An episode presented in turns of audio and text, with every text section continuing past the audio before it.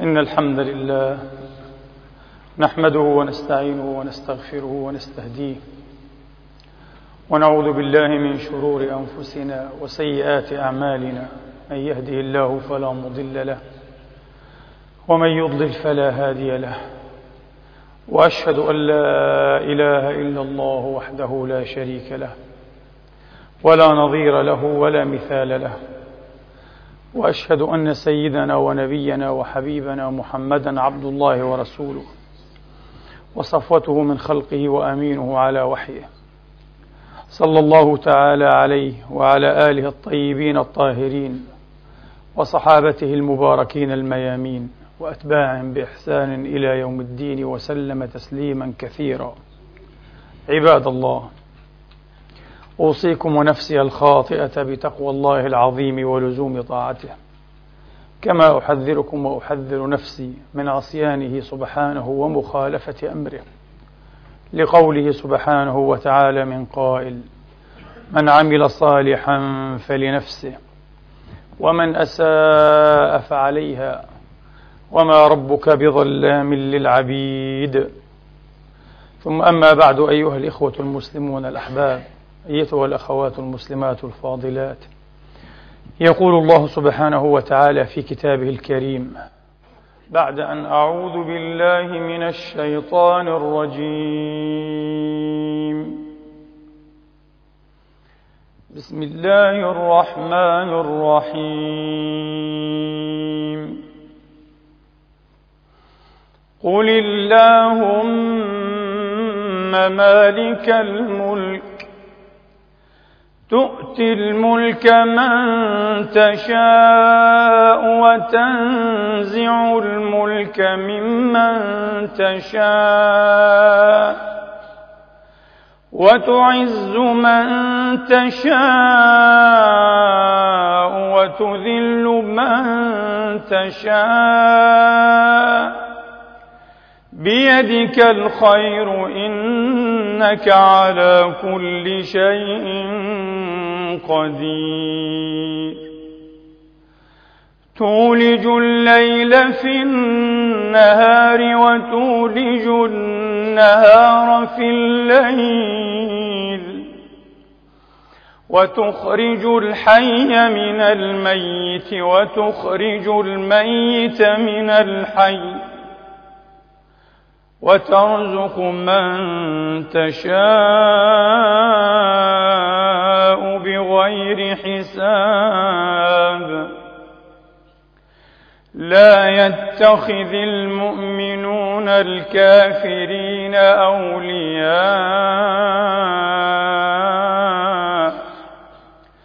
أولياء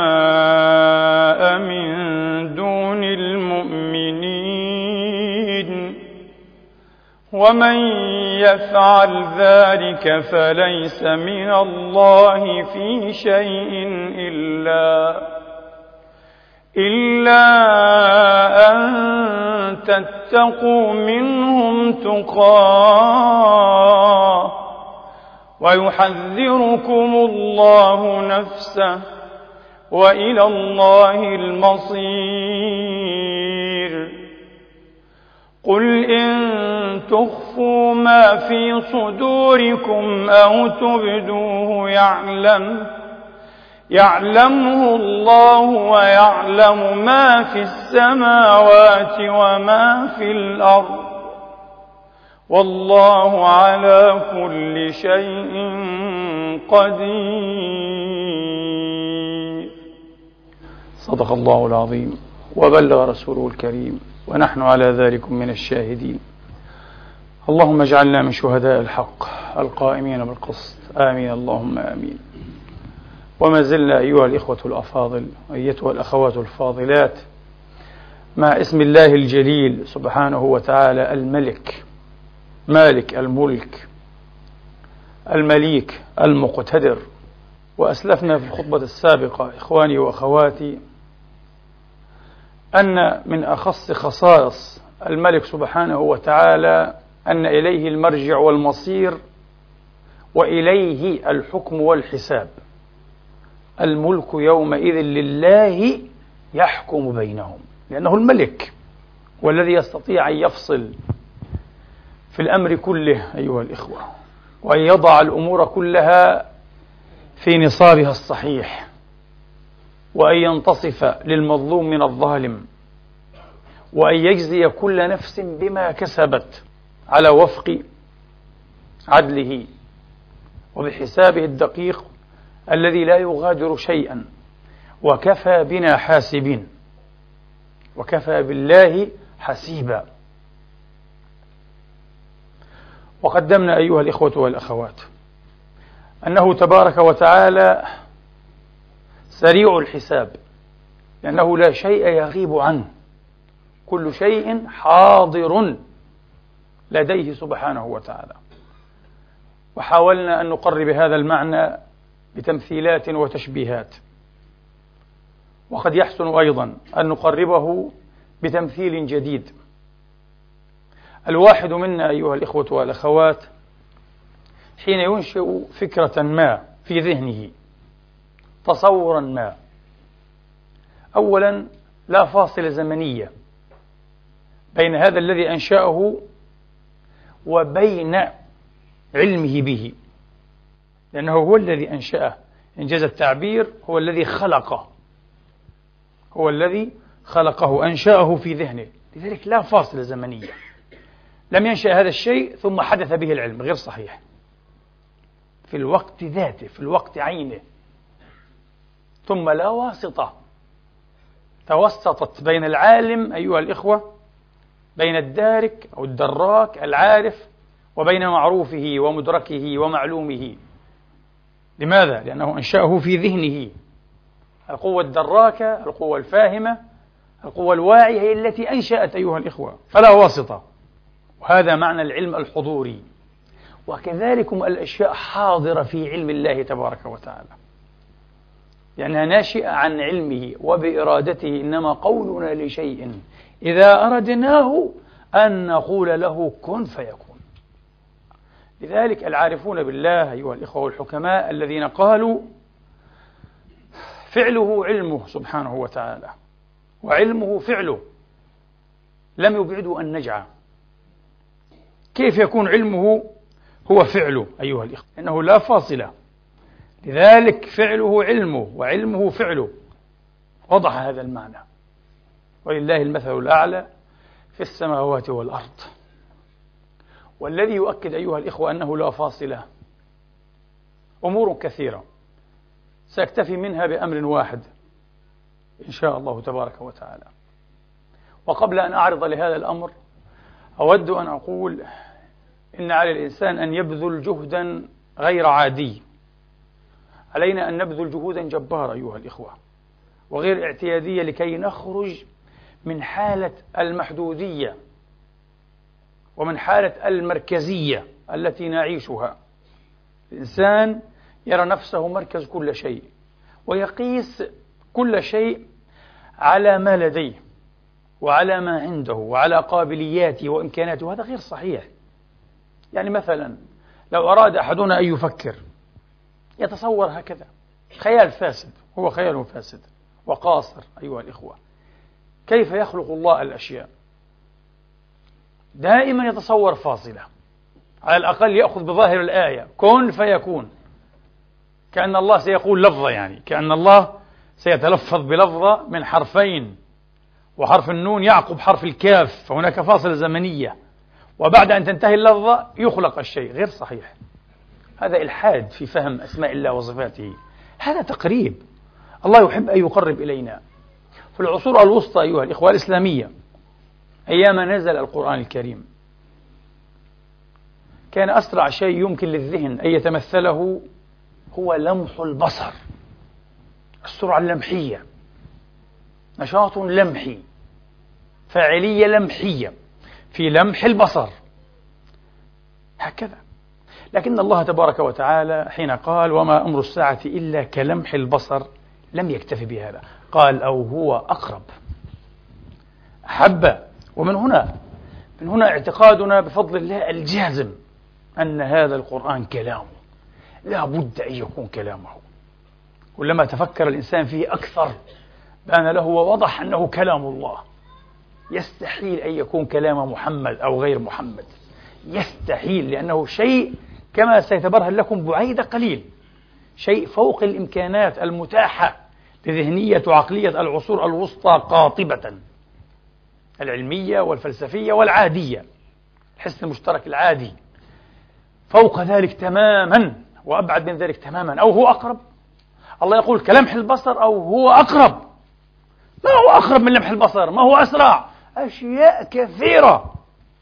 الله تبارك وتعالى يخلق ويدبر ويرعى ويدير هذا الكون تبارك وتعالى بما هو أسرع بكثير. شيء لا يناله الوهم لا يدركه الخاطر. كيف؟ تسمعون أيها الإخوة عن الساعة الذرية يقولون ساعة ذرية سيزيوم ما هي هذه الساعة؟ ساعة ذرية لن نتحدث كيف تعمل. يعرف ذلك علماء الطبيعة ودارسو الفيزياء. لكن هذه تقيس الوقت أيها الإخوة بحسب ذبذبات الإلكترونات حين تنتقل من مجال طاقوي إلى مجال آخر. المجالات التي يعرفها أيضا درسوا الطبيعة كإل إم إن أو بقانون معين معروف في الفيزياء الذرية. آه نظرية بور نيلز بور ومن تلاه. فحين ينتقل الإلكترون من مجال إلى مجال طبعا لا بد أن يكتسب طاقة أو يفقد طاقة معروف. هذه النظرية الذرية آه يتذبذب. بسرعة شديدة جدا. هذه الساعة تقيس الوقت بحسب هذه الذبذبات. ذبذبات الإلكترون أيها الإخوة. لذلك هذه الساعة تتكتك تكس تعطي تكات أيها الإخوة في الثانية الواحدة. أنا حين أقول سبحان الله مضى الثانية وزيادة. كلمة سبحان الله مضى الثانية وزيادة. في هذه الثانية هذه الساعة تتكتك تسعة مليارات تكة يعني حين أقول سبحان الله يكون هناك شيء حدث تسعة مليارات مرة. شيء تقشعر منه القلوب أيها الإخوة. هذا ما كشف عنه العلم إلى الآن. واحد يقول فانتازيا ليس فانتازيا. هذا علم نحن أيها الإخوة نعيش عليه اليوم. الآن بعد أن تنقضي هذه الخطبة يستقل الإنسان سيارته وفيها النافيجيتر GPS system هذا نظام الملاحة. هذا الجهاز يعمل على هذا المبدأ. أنت تظن أنه جهاز بسيط. ليس بسيطا بالمرة أدق مما تتخيل. أعقد مما تتخيل. الإمكانات الهائلة التي أتيحت أيها الإخوة ووظفت ليعمل هذا الجهاز وتستدل أنت على عنوان بسيط يبعد عنك ربما إيه كيلو إلى حتى إيه خمسة آلاف كيلو أكثر مما تتخيل. لماذا؟ هناك مثلا أربعة ساتليتات أو أقمار صناعية. بعضها مربوط بتسعة بعشرة بعض هذه الأجهزة. نفترض أربعة. هذه الأقمار الصناعية أيها الإخوة تعمل بالنانو ثانية. وحين تسمع النانو nanosecond nanotechnology نانو كذا إلى آخره النانو عشرة أس ناقص تسعة. يعني واحد على كم؟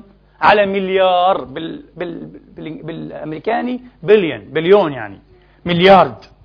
عشرة أس تسعة مليارد. ألف مليون. النانو واحد على ألف مليون. هذا النانو. والآن حين يستقبل جهازك هذا ال navigator يستقبل إشارة من أحد هذه الأقمار الصناعية. تفترق عن الإشارة التي يستقبلها من القمر الصناعي الثاني بال nanosecond. يفهم الجهاز هكذا مبرمج. علينا أن نتحرك مترا ونصف المتر أو سبعين سنتيمتر في هذا الاتجاه. ثم تأتي الإشارة الثانية بالنانو. والثالثة والرابعة يجري الحساب بعد ذلك ويقول لك الاتجاه من هنا. لو تتحرك بالثانية عمرك ما تصل. آه. تذهب إلى لينز ربما يأخذك إلى مكة. إذا هذا شيء حقيقي هذا موجود إذا واحد يقول الله أكبر. هذه قدرات بني آدم؟ هذه قدرة إنسان يبدع تقنيات بهذا المستوى الرهيب جدا من الدقة. الساحر المثير المعجب. وفق قوانين في الخلق في الطبيعة. الله خلق العالم هكذا. تعرفون أنتم هذا في النانو سكند؟ هناك بعض الأجسام الأولية elementary particles الأجسام الأولية في الفيزياء. تخلق يخلقها الله وتعيش وتؤدي رسالتها في الحياة وتموت في nanosecond. ال meson عائلة ال mesons هذه منها ما يخلق ينشأ ويأخذ دوره على مسرح الحياة ويؤدي الدور وتنتهي حياته في واحد على ألف مليون من الثانية. هكذا هكذا خلق الله. متى خلقه الله؟ متى رعاه الله؟ متى أمره الله؟ متى قال له كن فيكون على ما نتصور نحن؟ متى أنجى ما الذي يحصل؟ أكثر من هذا. تعرفون نظرية فخر العرب والمسلمين للبروفيسور أحمد زويل؟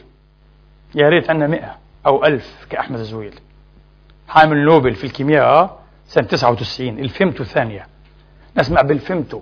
فيمتو فيمتو ثانية femtosecond. مش واحد على عشرة أس تسعة من الثانية مش nanosecond لا femtosecond تعرفون الرقم؟ كوادريليون.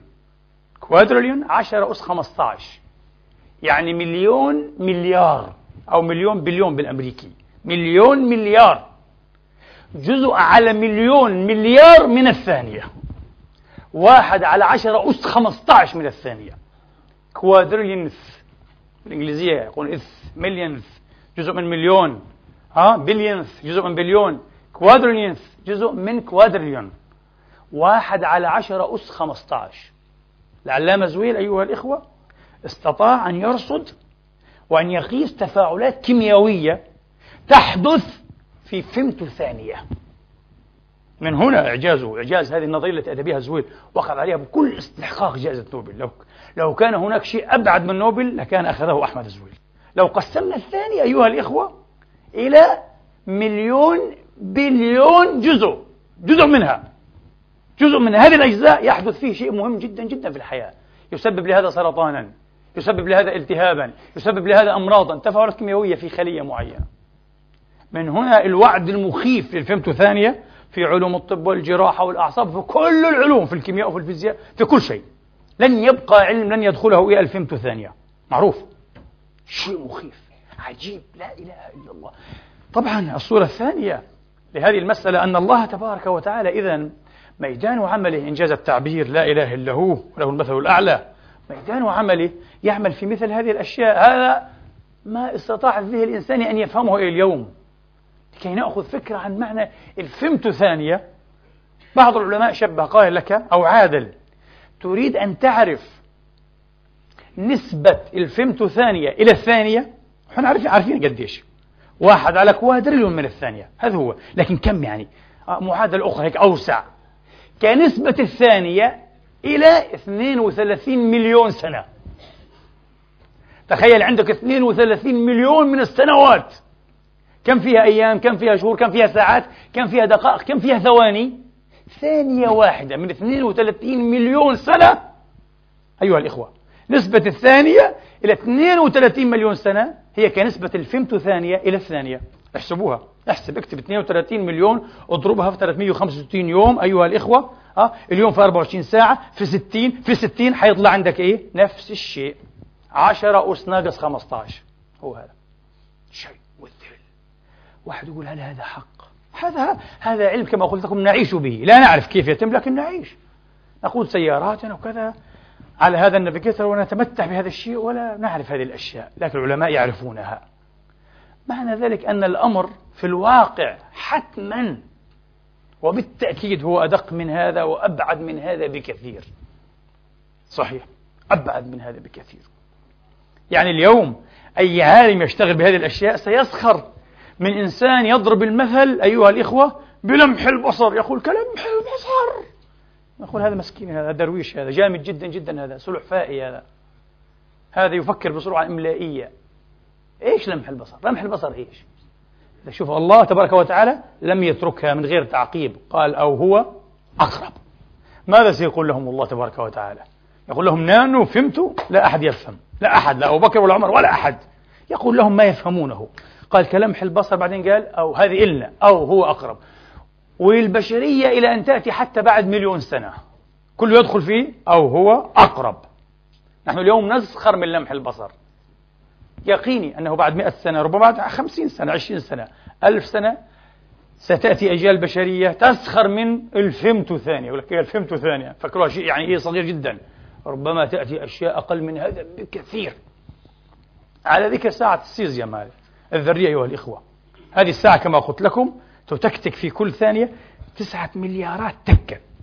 في كل ثانية. تستخدم هذه في الأبحاث والفضاء والفيزياء الفلكية. مهمة جدا هذه الساعة. موجودة. صنعت في ال 65 آه. الآن يطورون في شباط 2008 طوروا ساعة أيها الإخوة. طبعا ساعة السيزم هذه تخطئ بمقدار ثانية واحدة كل مليون سنة. يعني تراكم الأخطاء في المليون سنة يساوي ثانية. كم هي دقيقة؟ لا إله إلا الله. لا هم صنعوا في 2008 ساعة تخطئ أيها الإخوة كل 30 مليون سنة ثانية. أدق جدا من السيزيوم ها؟ كلوك. والآن هم يعملون على تطوير ساعة.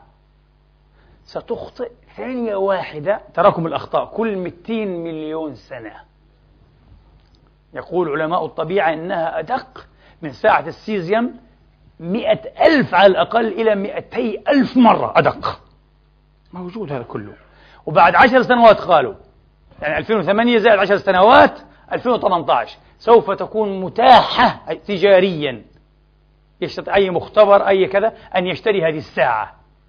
وطبعا ستكون أنت إيه مطمئنا جدا جدا. لن تتأخر عن عملك. لأنها كل 200 مليون سنة تتأخر ثانية واحدة. لا أعتقد أنك تحتاج إلى هذه الدقة. لكن هذا يحكي شيئا آخر أيها الإخوة.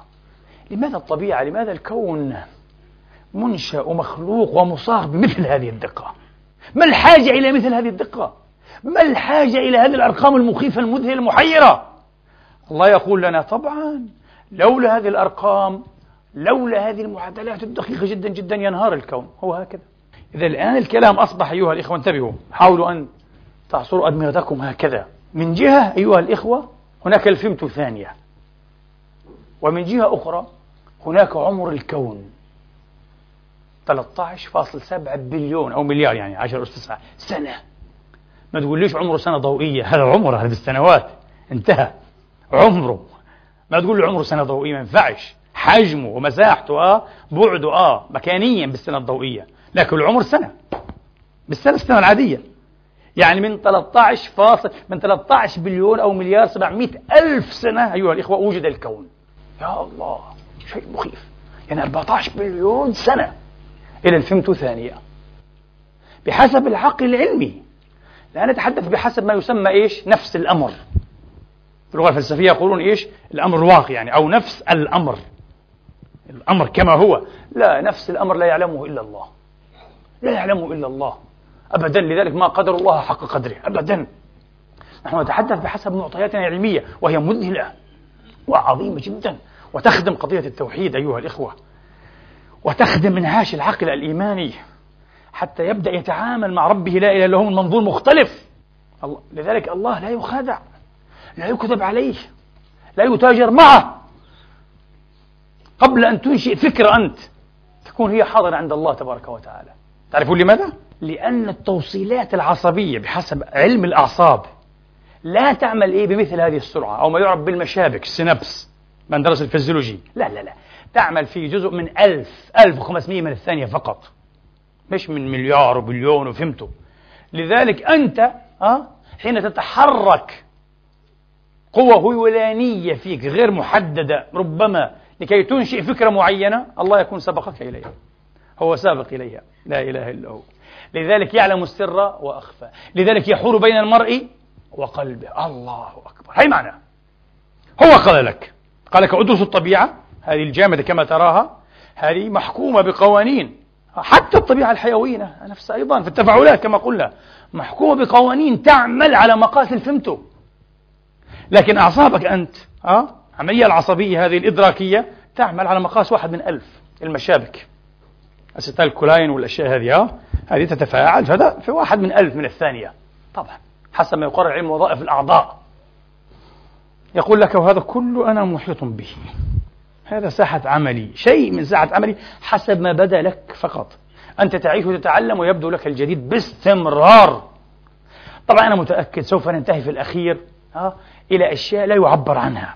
مش يعني إيه؟ 16 رقم بعد ديجريز يعني. 16 رقم بعد الفاصلة. ممكن 6000 بعدين تصير ولا حتى 6 مليون بعد الفاصلة ما بنعرف. في الأخير سوف ننتهي إلى أنه لا إله إلا هو. هكذا يدير الكون ويخلق ويحيي ويميت في لا زمن. ما في زمان إيش هذا؟ هذا الزمان معطى لك أنت هيك تهيص فيه عشان تحاول تفهم تقدر تتعقب الظاهرة. لكن الظاهرة في الأخير تولد وتشتغل وتتحرك بقدرته في لا زمان. هذا من جهة الزمان. من جهة السبيس أو المكان أو الفضاء أيها الإخوة لدينا الكون. أوسع شيء نعرفه. كم؟ بساحة أيها الإخوة نصف قطر نصف قطر هذا.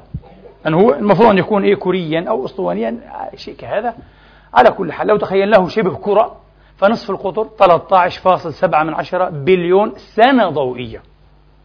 حين نتحدث نحن عن زمان نتحدث عن مكان. بس لا نستطيع أن نتحدث بلغة الكيلومتر وال mile والكلام الفارغ هذا ما فيه يتحدثون الآن بلغة الزمان عن المكان. يعني المسافة التي يقطعه الضوء في سنة هذا هو. شوف هذه كم بليون بليون بليون كيلومتر. الله أعلم. احسبها. في كل ثانية 300 ألف كيلومتر. في كل ثانية. يعني يلف الأرض كلها ثمان مرات في الثانية. حين تقول سبحان الله يكون لف الأرض ثمان مرات. طب بعد دقيقة معناها وين يصل هذا الضوء. الشمس 150 مليون كيلومتر. 150 مليون. يقطع في ثمان دقائق. يكون وصل. طب في ثمان ساعات وين يروح الضوء هذا؟ ماذا يقطع؟ طب في ثمان سنوات في ألف سنة في مليون في مليار. في 14 مليار هو هذا. قال لك حين ينتهي الضوء بعد 14 مليار هذا نصف قطر الكون لسه. ونصف قطر من الجهة الثانية شوف هذا مكانيا. هذا المكان هذا شيء من ملك الله لا إله إلا هو. لأنه في العرش وفي سماوات أخرى وفي أشياء لا يعلمها إلا الله. هذا الشيء اللي إحنا بنتحدث عنه ودرسناه ونشوفه آه ال cosmos آه الأنزل يعني universe Universum أو ال cosmos أنزل ال cosmos. هذا بهذه السعة في المقابل يتحدثون عن الذرة. خذ شعرة من شعرات رأسك. في عرض الشعرة يمكن أن تصطف 300 ألف ذرة. نعم هذا فيزيائيا. يقول لك في عرض الشعرة لو أتينا بذرات أتومز أي ذرات؟ ها؟ وضعناها كذا واحدة إلى جانب أختها. تحت تحت يقول العلماء أيضا حين تكتب أنت وتنقط. نقطة. full stop نقطة. سطر جديد. قال في النقطة هذه أو تضعها على رأس حرف. ها؟ هذه النقطة يمكن أن تحتوي بل هي تحتوي في الحقيقة مليار ذرة. تقول هذه الذرة. هذه الذرة. وهذا الكون 14 بليون سنة نصف القطر. وهذه الذرة الكبير جدا والصغير جدا. لا مش الصغير جدا في أصغر. في عندنا الجسيمات الأولية. ال elementary كما قلنا particles الجسيمات الأولية. لا. لتتكون منها الذرة. في النواة في إلكترون بروتون في النواة. طبعا النواة بالنسبة إلى حجم الذرة كل لا شيء لا شيء. بعضهم يقول مثل كرة قدم أيها الإخوة قياسا إلى كرة الأرض. هي النواة بالنسبة إلى الفراغ الذري. معناها الذرة كلها فراغ. وين؟ وين النواة هذه؟ هذه النواة فيها نيوترونات بروتونات. نيوترونات متعادلة آه؟ النيوترون البروتون لسه بيتكون من جسيمات أولية. الكواركات. وهي من طائفة الهيدرونات في مقابل الليبتونات. كل شيء بيتكون من ليبتونات من هيدرونات. هيدرونات معناها إيه؟ نيوترون بروتون. الكواركات هذه لسه كائنات دقيقة جدا جدا ستة أنواع منها في العائلة. ستة أنواع.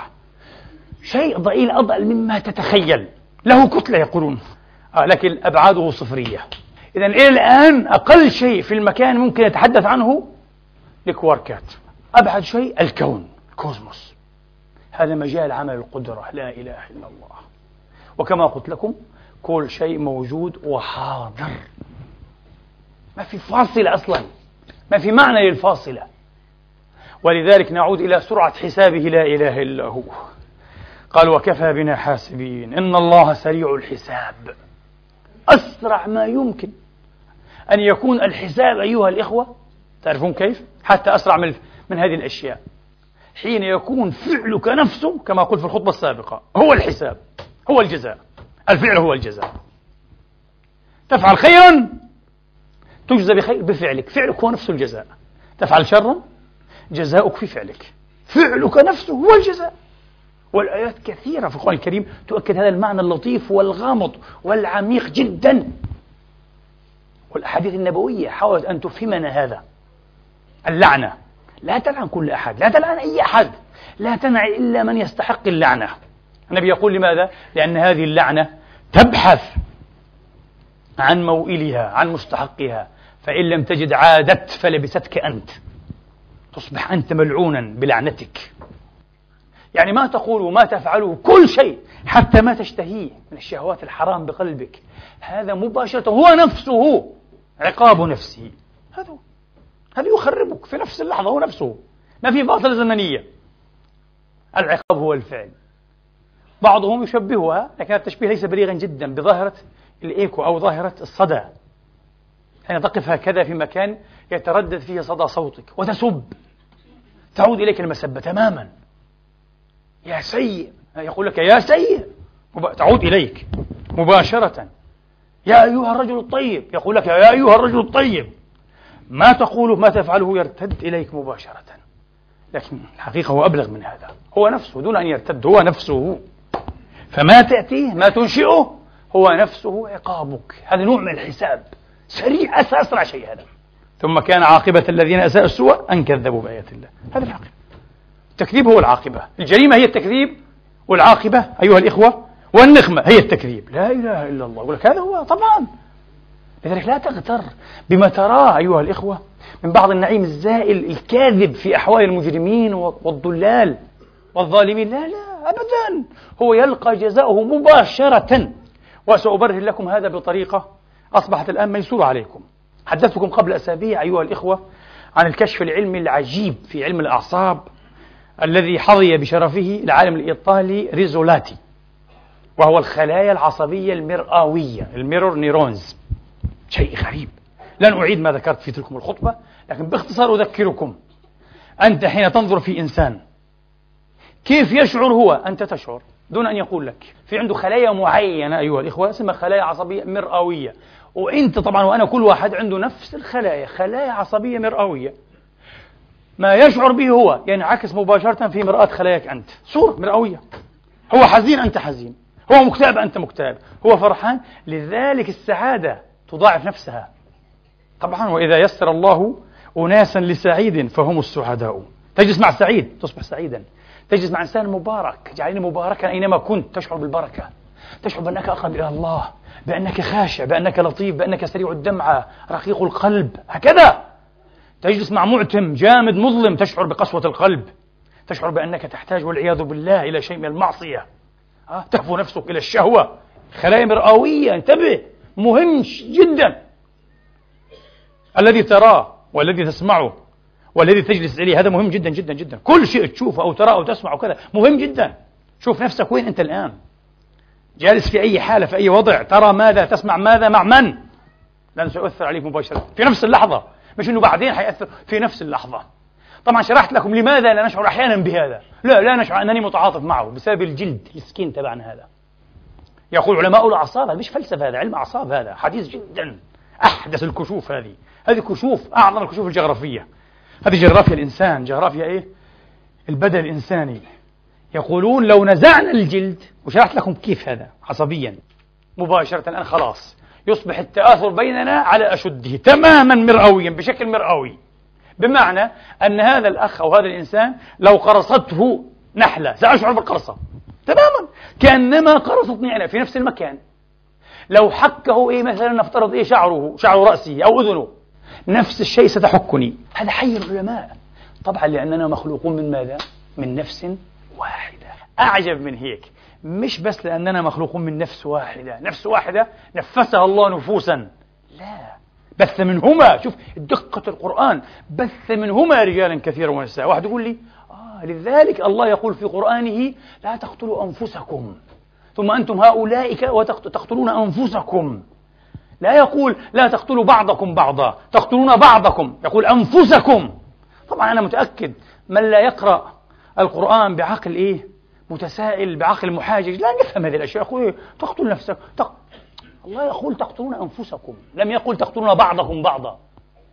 يعني افتحوا كتبكم. ليفتح كل كتابه. تقتلون أنفسكم. يقتل كل نفسه. هذا لفت المفسرين العظماء الذين درسوا البلاغة ويعرفون هذا قالوا الآية فيها مجاز الآية مش حقيقية. هذا مش تعبير حقيقي. وجعلوا الله قتل النفس. وجعلوا الله قتل الآخر عفوا. يعني قتل الإنسان إيه؟ الآخر قتل الآخر قتل النفس. مجاز. لماذا؟ قالوا عاد حاولوا يستنبطوا مثل كلامنا اليوم كلامنا اليوم أعصاب. دقيق جدا جدا. كلامهم بلاغة. بارك الله فيهم وشكر الله سعيهم.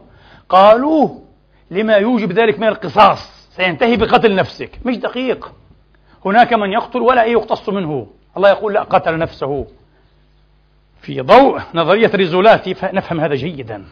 نفهم هذا تماما. تخيل. لذلك الشاعر قال بذا قضى الله بين الناس مذ خلقوا. أن المخاوف والإجرام في قرني. أنت قتلته وأنا أقول لك سيبقى ستبقى تعاني إلى أن تلقى الله من رعب القتل. كأنك أنت المقتول. كأنك أنت المعذب الآن. سيبقى هذا. أنت يمارس عليك القتل في كل لحظة. يا مسكين. بقتلك. ولذلك كل القتل الكبار حتى في المجازر الأهلية يقولون فعلنا هذا. وقتلت عشرة وعشرين وثلاثين لكن بعد أول نفس قتلتها إلى اليوم قال عشرين ثلاثين سنة أنا فقدت نفسي لم أعد ذاك المرء الذي كان. طبعا خلاص. صار شيء آخر. لن تنجو. فعلتك نفسها هي العقاب. تقتلون أنفسكم. قال في النور فسلموا على أنفسكم. تحية من الله. سلموا على أنفسكم. قالوا مجاز. كيف يقول سلموا على أنفسكم؟ سلموا على بعضكم لا على أنفسكم. مثل المؤمنين في توادهم. وتعاطفهم وتراحمهم كمثل الجسد. النبي أحب أن يقرب وإلا في الحقيقة هم جسد واحد مش كمثل بس حب لو قال لهم جسد واحد كما قال القرآن نفس مش حيفهموا. ولذلك هذا الحديث حديث النعمان بن بشير في الصحيحين. رواه الإمام مسلم عن النعمان بن بشير بلفظ آخر لعل الرسول ذكر لفظين كلا في مقام. قال المسلمون كرجل واحد يعني نفس واحدة. إذا اشتكت عينه اشتكى كله. وإن اشتكى رأسه اشتكى كله. إذا هكذا التواشج لكن لو ذهبنا خطوة إلى الأمام أبعد. هل هناك تواشج وتآثر مع المخلوقات الأخرى مع النباتات الحيوانات الجمادات؟ طبعا موجود. ليس فقط إيه؟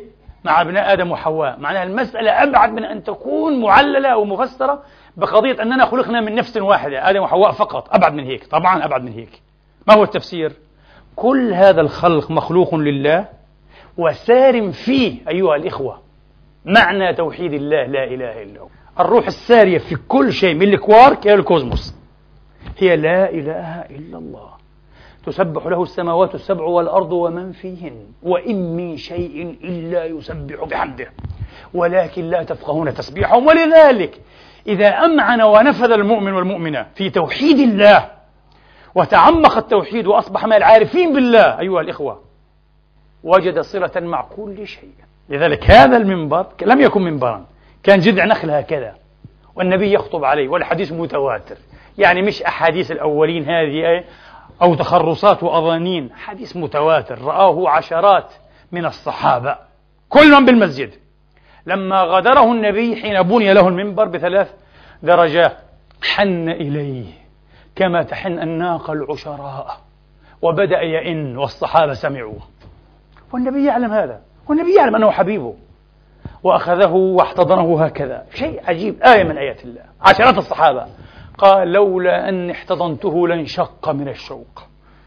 شوق وعشق وهيام إلى رسول الله. قال لما فقد من ذكر الله عليه. الله أكبر. لذلك أنت تريد أن يكون دعاءك مستجابا؟ تريد أن تقرأ على ابنك هكذا ويشفى بإذن الله؟ تعرف إلى الله. أمعن في التوحيد يا رجل. اترك الشهوات والدنس والقذارة والعقل الصغير. عليك أن تصبح من العارفين من المستهترين بذكر الله. دائما العقل شغال اللسان شغال الأعضاء كلها عبادة خشية وسوف تتواصل مع الكون مع كل شيء بإذن الله تعالى. أحد جبل يحبنا ونحبها الرسول يقول. في تواصل. تمطر السماء أيها الإخوة يخرج النبي مباشرة. يستقبل. آه هكذا. يقول إنه حديث عهد بربه المطر هذا. في علاقة غير عادية معناها. إني لا أعرف حجرا بمكة كان يسلم علي بالنبوة. يقول السلام عليك يا نبي الله. النبي يسمع ويسلم عليه. في تواصل. في القرآن الكريم فما بكت عليهم السماء والأرض وما كانوا منظرين. ما بكت لا تبكي عليهم. إذا تبكي على من؟ على المؤمنين الصالحين. تبكي؟ إيه؟ تبكي. السماء تبكي والأرض تبكي. في حديث أبي يعلى عن علي عليه السلام إذا مات المؤمن بكاه موضعان موضع من الأرض وآخر من السماء. موضع الأرض أيها الإخوة هو مكان سجوده وإن كان بيصلي وبيسجد لله. تبكي عليه. وأما موضع من السماء فهو أي معراج عمله. وإن كان يخرج عمله النور كل يوم نور. مش حرام وكذب وغيبة ونميمة. وشهوات وكلام فارغ. عبادة ذكر نظافة اتصال بالله. الكون معه الكون يحبه يؤيده ينصره بإذن الله. قال تعالى يا جبال أوبي معه الطير. داود عليه السلام يذكر الله الكون يردد الذكر معه. ذكر صادق مش تمثيل مش مسرحية. ذكر ذكر عبادة ذكر رجل عارف بالله نبي. فالمخلوقات الحصباء الصخور الصلد الجبال الأمواه كلها تردد وترجع معه ذكره. إذا هكذا الكون إلى هذه الدرجة. لذلك انتبهوا أي شيء تفعلونه مباشرة يعود عليكم. طبعا الكون وحدة واحدة. أنت تضر نفسك أنت تؤذي نفسك بكل شيء تفعله على غير ما أمر الله تبارك وتعالى. ونعود إلى سرعة حسابه لا إله إلا هو. إذا هو ملك لا إله إلا هو. فإذا كان ملكا فلا غرو. أن يأخذ وأن يحكم وأن يحاسب. بالعدل لا إله إلا هو. بالعدل. خيرا فخير وإن شرا فشر. هكذا. وكفى به حاسبا. وكفى به حكما عدلا لا إله إلا هو. يقول أحدهم رأيت مرة رجلا وقد قطعت يده من الكتف. والعياذ بالله. نسأل الله العفو والعافية لي ولكم والمسلمين والمسلمات أجمعين. فقلت يا أخي ما قصتك؟ مقطوعة من الكتف. فقال قد سألتني عن قصتي فاسمع حكايتي فحكايتي عجب. قد كنت رجلا ظالما من أعوان الظلمة أعوان الدولة. فرأيت ذات مرة رجلا صيادا عليه سماء الفقر وبيده سمكة أعجبتني. صيدها المسكين مروح فيها. قال فقلت له أعطني السمكة. فقال بالثمن. قلت لا بغير ثمن. تخويت عليه بجسمي قال والبزة العسكرية بغير ثمن. قال لا أعطيكها إلا بالثمن. فإني أبيعها في السوق وأشتري بثمنها قوتا لعيالي. قال فضربته وأخذتها منه. فجعل الرجل يبكي وانطلق إيه؟ مستسلما لمصيره. قال فوالله ما إن بلغت الدار حتى ضربت علي إبهامي وصار بي من الألم ما لا يعلمه إلا الله. حتى لم أعرف طعم المنام ليلتها. فلما أصبحت غدوت إلى الطبيب. فقال يا رجل هذه بداية الآكلة. كان قرينا يعني آه. هذه بداية الآكلة. اقطع إبهامك وإلا قطعنا يدك من الرسغ قال فقطعت الإبهام. قلت أستريح. قال فما عتمت إلا إيه؟ ساعات حتى ضربت علي كفي. الأصابع الأربعة كلها يد. قال أشد من الأول. فذهبت إليه. فقال الآكلة. قد سبقتنا. اقطع اليد من الرسغ وإلا قطعناها من المرفق. قال فقطعتها. قال وعدت ما في هذا كله إيه في ثلاث ليالي؟ قال فضربت علي يدي إلى مرفقي. لم أستطع. قال إيه؟ أن أقر. وين القرار؟ وين الهدوء؟ ألم رهيب. قال قال فقال نقطعها من المرفق. وإلا سرت إلى سائر بدنك. قال فقطعوها. فضربت علي في الليل. فغدوت. فقال نقطعه من الكتف. قال فقطعها الطبيب وبينها أنا عائد ولا يعلم ما بي من الكمد والحزن والألم إلا الله. فإذا بي برجل من معارفي. قال ما هذا؟ قال فقصصت عليه قصتي. قال هل عملت عملا سوءا؟ قلت إيه والله. القصة قريبة ما لهاش ثلاث إيه؟ ثلاثة أيام. وحكيت له حكاية إيه؟ السمكة والصياد. فقال يا مسكين يا جاهل. لو أنك بادرت إلى الرجل فاستحللته واسترضيته ما صرت إلى ما صرت إليه. كان يمكن إيه اكتفيت بالإبهام. لا عبث مع الله لا لعب مع الله. قال الإمام علي عليه السلام قال صلى الله عليه وآله وصحبه وسلم يقول الله تعالى اشتد غضبي على من ظلم من لا يجد له ناصرا غيري. رواه الطبراني في الصغير والأوسط. اشتد غضبي على من ظلم من لا يجد له ناصرا غيري. مسكين ضعيف هذا تظلمه هكذا؟ لأنك من أعوان الظلمة. قال فجعلت أطلب الرجل بكل وجه وناحية حتى أصبته. قال فلما رأيته أكببت على قدمه أقبلها وأبكي. هذا الضابط ولا الجندي هذا المستكبر يبكي. قلت له يا سيدي يا أخي سألتك بالله. إلا ما رضيت عني وأحللتني وسامحتني. قال فلما رأى ما بي ورأى يدي قد قطعت من الكتف رق لي. مسكين دائما هذول الناس هم طيبون مش الظلمة هؤلاء. تقوي بنفسه. ما في عند الله قوي. قوة لله الله هو القوي. ما في واحد قوي. ولا ملك ولا مملوك ولا واحد ولا شيء ولا جبريل ولا ميكال ولا أحد ولا أحد. الله هو القوي وحده لا إله إلا هو. فقلت يا أخي اجعلني في حل. قال يا أخي قد جعلتك في حل. وإني قد عفوت عنك وإني لأسأل الله أن يعفو عنك. قال فلما هممت بإيه؟ أن أمضي وأنا أبكي. قلت له يا سيدي بالله حين غصبتك السمكة هل قلت شيئا؟ قال نعم. إي والله توجهت إلى ربي وقلت اللهم إنك ترى أن هذا يتقوى علي بقوته على ضعفي فيما رزقتني ظلما فأرني فيه قدرتك. قال فبكيت وقلت له يا أخي قد أراك الله قدرته فيه. قصة عجيبة يحكيها المرحوم اللواء الركن محمود شيد خطاب العراقي العسكري المبرز والعالم والمؤرخ الصالح رحمة الله عليه وطيب الله ثراه. هذا الرجل ترك موسوعة في تاريخ العسكرية والقيادات والفتوحات الإسلامية. موسوعة من آلاف الصفحات. لواء ركن يا ليت كل الألوية الأركان عندنا إيه؟ على عشر أخلاق ودين وورع محمود شيد خطاب رحمة الله تعالى عليه. إيه. محمود شيد خطاب يحكي قصصا أيها الإخوة كان شاهدا عليها يعرفها. بعض هذه القصص والحكاية سمعها من أصحابها. والبعض الآخر وقعت في زمانه في بلده في العراق. لا يحكي أشياء من كتب ولا من بلاد أخرى. هذه قصة وقعت في الشمال العراقي. في قرية من قرى الشمال كانت كأنها جنة حديقة غناء. أبطالها فتاة يضرب المثل بحسنها ودلها. تسمى سعاد أيها الإخوة. كتبها الله لابن عمها. هكذا عادات العرب. وكانت تحبه وترضاه لدينه وخلقه وجده في الحياة. شاب جاد.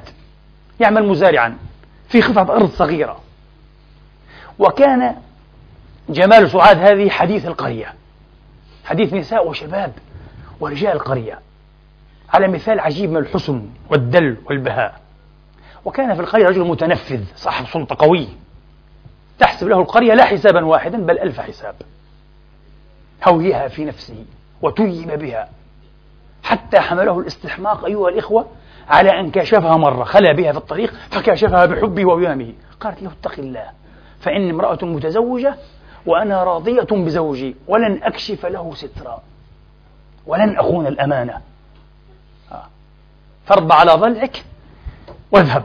فهددها وتوعدها فلم تباله وخشية أن تقع فتنة لا يعلمها إلا الله فرجل متنفذ كما قلت أيها الإخوة كتمت أمرها عن الناس جميعا حتى عن زوجها وأقرب الناس إليها. حكيمة. رحمة الله عليها. والآن الوقت أواخر الربيع وأوائل الصيف.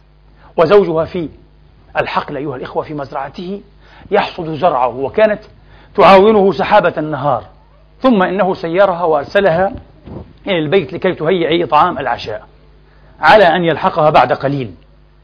غابت الشمس أيها الإخوة وتأخر قليلا. أعدت الطعام وهيأت البيت لكنه لم يأتي. راث عليها ساعة ساعتين ساورتها الشكوك فقصدت أهلها وحدثتهم زوجي لم يعد. وهذه ليست له بعادة. فخرجوا فإذا به أيها الإخوة قرب حفرة على مبعد عشرات الأمتار من حفرة معينة أه؟ وقد غرق في بركة من دمه. قتل برصاصة غادرة. لا نقول طائشة إنما غادرة آثمة قاتلة. جعل المحققون يحققون في القضية أسابيع طويلة. ثم أغلق الملف. مسجلة الجريمة ضد مجهول. فالرجل رجل طيب محبوب ليس له أعداء ولم تحمل الشبهة حول أي واحد. وبعد أن انقضت عدة الوفاة جاء الخطاب يتسابقون أيها الإخوة يتنافسون عليها. ومنهم المتنفذ الذي بذل فوق ماله الجزيل جهودا وحيلا وتوسل وسائل شتى ليظفر بها فكان له الظفر. ظفر بها أيها الإخوة فلما صارت في عصمته صار يغدق عليها من صنوف النعم ومن ألوان الحب والدلال ما لا يعلمه إلا الله. فالرجل مستهان بها حقيقة كان صادقا في وده لها لكنها لم تحبه حب الروح للروح إنما حب الظاهر واللسان والبدن. حب الروح والدم كان لابن عمها وزوجها الأول ما الحب إلا للحبيب الأولي ظلت وفية لعهده وفية لأيامه وذكراه أيها الإخوة. وكرت الأيام ومضت السنون. ورزقهم الله تبارك وتعالى إيه؟ بضعة أولاد. إلى أن أتى يوم من الأيام. فالله يمهل ولا يهمل لا إله فلا تحسبن الله غافلا عما يعمل الظالمون. قصد زوجها إلى قرية مجاورة. زائرا لصديق له حميم. على أن يعود عند المغرب. لكن المجلس طاب له أيها الإخوة ولصديقه ومعارفهما الحاضرين. فتأخر إلى الهزيع الأول من الليل. وبين هو في طريق العودة إذ سمع إطلاق عيارات نارية. كالمطر تنهمر من كل جانب. فصاح وصرخ وخاف على نفسه. ووجد حفرة أيها الإخوة فوقع فيها مباشرة. وجعل يطلق أيضا عيارات ونارية لكي يخيف إيه؟ المعتدين. وشعر بشيء تحته في, في هذه الحفرة. ما هي إلا دقائق حتى أتى الناس من القرى المجاورة ومعهم رجال إيه؟ الأمن والشرطة أيها الإخوة. ومعهم المصابيح. الدنيا ظلام. دامس حالك فوجدوا هذا الرجل ومعه المسدس وتحته جثة غارقة في دمائها. أخذوه مباشرة بلا مثنوية على أنه هو القاتل والمسدس في يده وليس أحد في المكان إلا هو. فأقسم وغلظ الأيمان آه، أنه لم يفعل وأنه إنما دافع عن نفسه كذا. لم يصدقوا. كل القرائن أيها الإخوة تضافرت بعد تحقيق دام أيضا إيه؟ أياما وأسابيع. آه كل القرائن تضافرت على أنه هو القاتل. ومن سوء حظه وجدوا العيارات التي قتل بها إيه؟ الضحية من نفس عيارات مسدسه. ما كانش فيه زي اليوم عاد بحث دقيق جدا جدا. ما من نفس النوع خلاص. كم ملي قالوا هو. ما في. المحكمة الكبرى بلغة العراقيين حكمت بالإعدام. محكمة التمييز صادقت على حكم المحكمة الكبرى. أو العليا. انتهى كل شيء خلاص. وقبل أن يعدم بسويعة أتته زوجه ومعها أولادها الصغار وأبوه وأمه وإخوانه وأحبابه. رجل كبير متنفذ كان متنفذا كان. فطلب منهم واستأذنهم أن يخلو بزوجته لدقائق معدودات فسمحوا له. فأسر إليها بكلمات انهمرت بعدها دموعه. أما هي فوقفت جامدة كالتمثال. لم تفه بكلمة ولم تأتي بحركة ولا نعمة. تجمدت. لم يفهموا ما الذي حصل.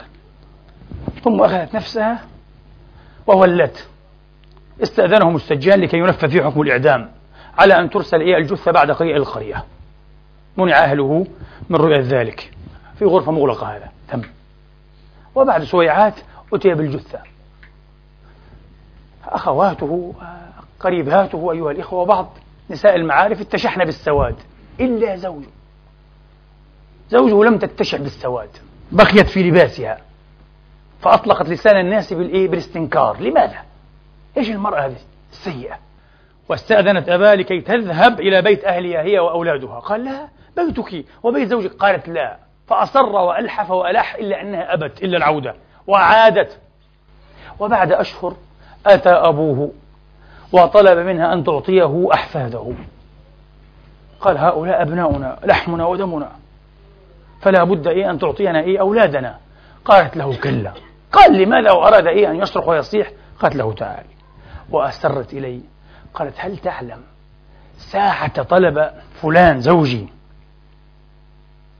أن يخلو بي؟ بماذا أسر إلي؟ قال لا. قالت على مرأة منكم من غير مسمع. قال لا. قالت قال لي وبكى كما رأيتم. يا سعاد سامحيني وادعي لي الله بالمغفرة فأنا الذي قتلت زوجك الأول يا سعاد. طمعا فيك واستئثارا بك. قال لها ومن عجيب القدر أن الحفرة التي كمنت له فيها ومنها أطلقت عليه النار هي الحفرة التي وقعت فيها على الضحية. نفس الحفرة التي قتل منها أيها الإخوة قتل فيها آخر لكن لا برصاصه. وقتل هو بسبب إيه؟ هذا القتيل المغدور. قال لها نفس الحفرة. الحفرة نفسها عفوا. الحفرة نفسها. ثم سكتت. فلم تفو. وسكت والده ونطق القدر. فوالله إن الظلم شؤم. ولا زال الظلوم هو الملوم. إلى ديان يوم الدين نمضي. وعند الله تجتمع الخصوم. لا تظلمن إذا ما كنت مقتدرا. فالظلم يرجع عقباه إلى الندم. تنام عيناك والمظلوم منتبه يدعو عليك وعين الله لم تنم. وما من ظالم إلا سيبلى بظالم. فما من يد إلا يد الله فوقها ولا ظالم إلا سيبلى بأظلم. أقول قولي هذا وأستغفر الله لي ولكم فاستغفروه. الحمد لله. الحمد لله الذي يقبل التوبة عن عباده. ويعفو عن السيئات ويعلم ما تفعلون ويستجيب الذين آمنوا وعملوا الصالحات ويزيدهم من فضله. والكافرون لهم عذاب شديد. وأشهد أن لا إله إلا الله وحده لا شريك له. وأشهد أن سيدنا محمدا عبده ورسوله. صلى الله تعالى عليه وعلى آله وأصحابه وأتباعه وسلم تسليما كثيرا. أما بعد أيها الإخوة. أيام أحداث الثورة الدستورية في إيران في الثلث الأول من القرن العشرين. يحدث أحدهم وكان شاهد عيان. قال رأيت درويشا حلق رأسه بالموسى بالموسى يعني.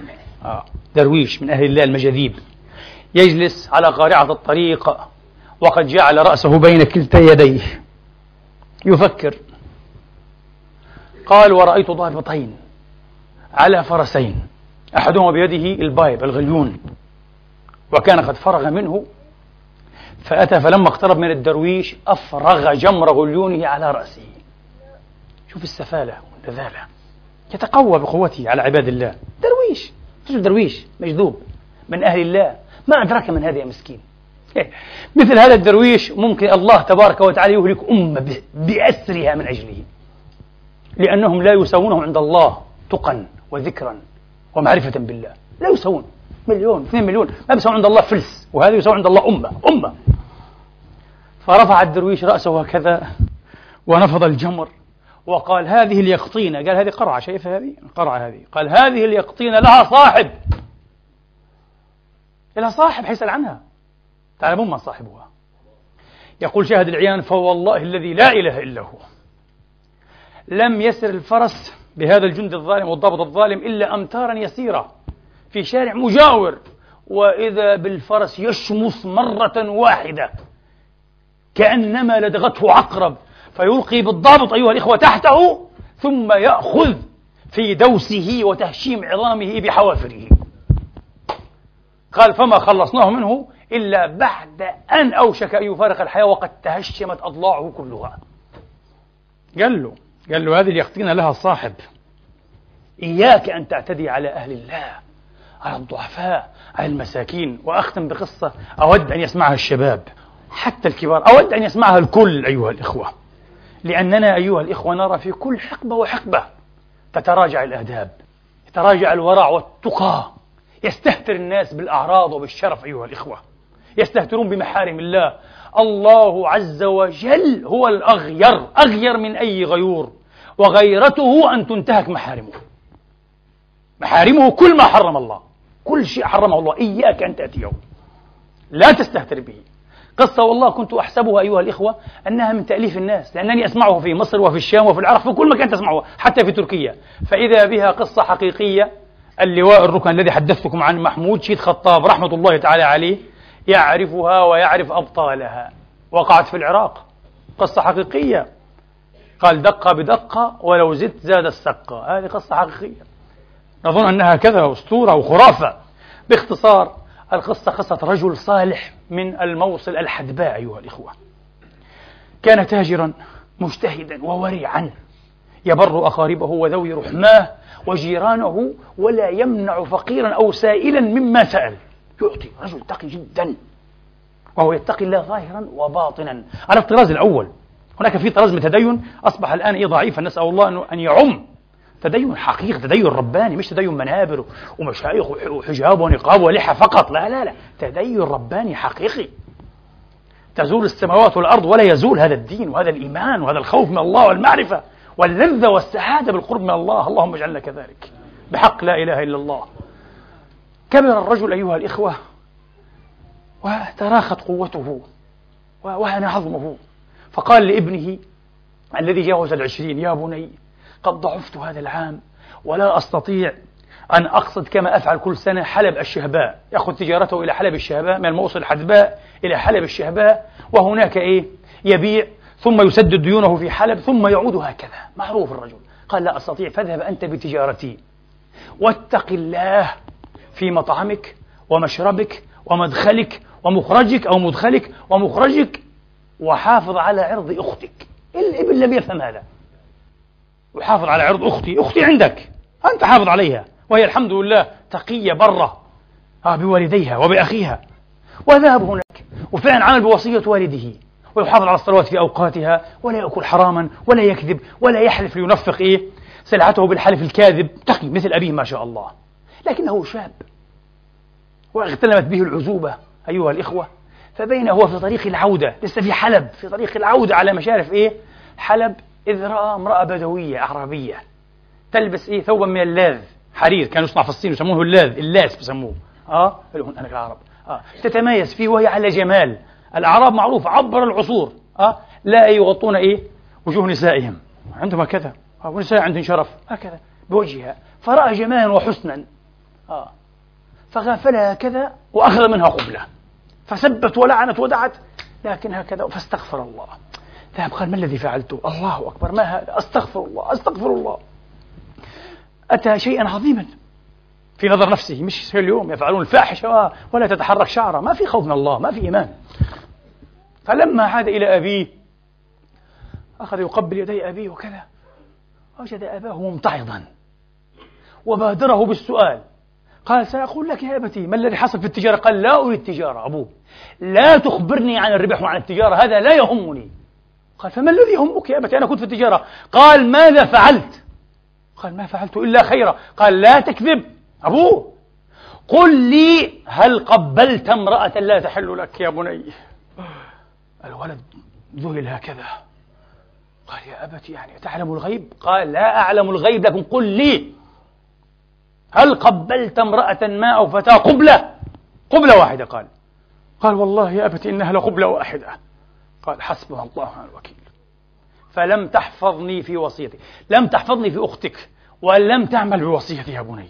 قال يا أبتي كيف عرفت هذا؟ والله الذي لا إله إلا هو ما رأى ذلك إلا الله عز وجل والبدوية. ثلاثة فقط. أنا والبدوية والله. لم يرى أحد هذا. قال يا بني في ذات يوم من الأيام محدد له اليوم. فكان هو اليوم الذي فعل فيه الولد فعلته. يبدو في نفس الساعة. قال يأتينا سقة يضع الماء في حبابنا في الزير الحب. آه. وهذا السقة قال رجل كبير شيخ ناهز الخمسين من عمره ومعروف بالتقى. قال فكنت أنا في الطابق إيه؟ الثاني في العلية. فرأيته بعد أن أفرغ الماء وفتحت له أختك المصونة الباب لكي يخرج إذا به يغافلها فيقبلها قبلة. فصاحت فرأيت ذلك قلت حسبي الله ونعم الوكيل. وأدركت قال يا أبتي كيف أدركت؟ قال لأن أباك لم يفعل شيئا من هذا في عمره كله. لم أقبل قال قبلة في حرام. فضلا عن أن أحل إزاري على ما حرم الله. قال فقلت من أين أتاني هذا؟ من أين دهيت شوف عنده حكمة وإيمان.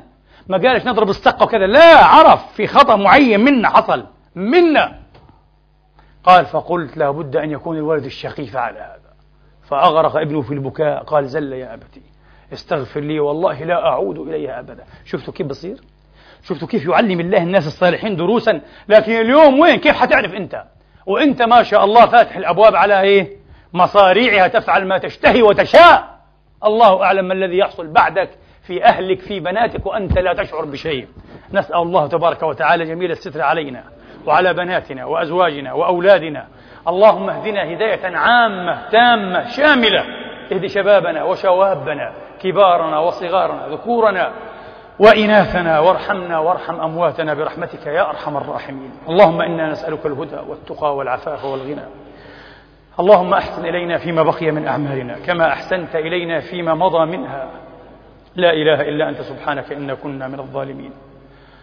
اللهم اجعلنا نخشاك حتى كأننا نراك وأسعدنا بتقواك ولا تشقنا بمعصيتك وخر لنا في قضائك وبارك لنا في قدرتك حتى لا نحب تأخير ما عجلت ولا تعجيل ما أخرت واجعل اللهم غننا في أنفسنا ومتعنا بأسماعنا وأبصارنا وقواتنا أبدا ما أحيتنا واجعله الوارث منا واجعل ثأرنا على من ظلمنا إلهنا ومولانا رب العالمين عباد الله إن الله يأمر بالعدل والإحسان وإيتاء ذي القربى وينهى عن الفحشاء والمنكر والبغي. يعظكم لعلكم تذكرون. اذكروا الله العظيم يذكركم.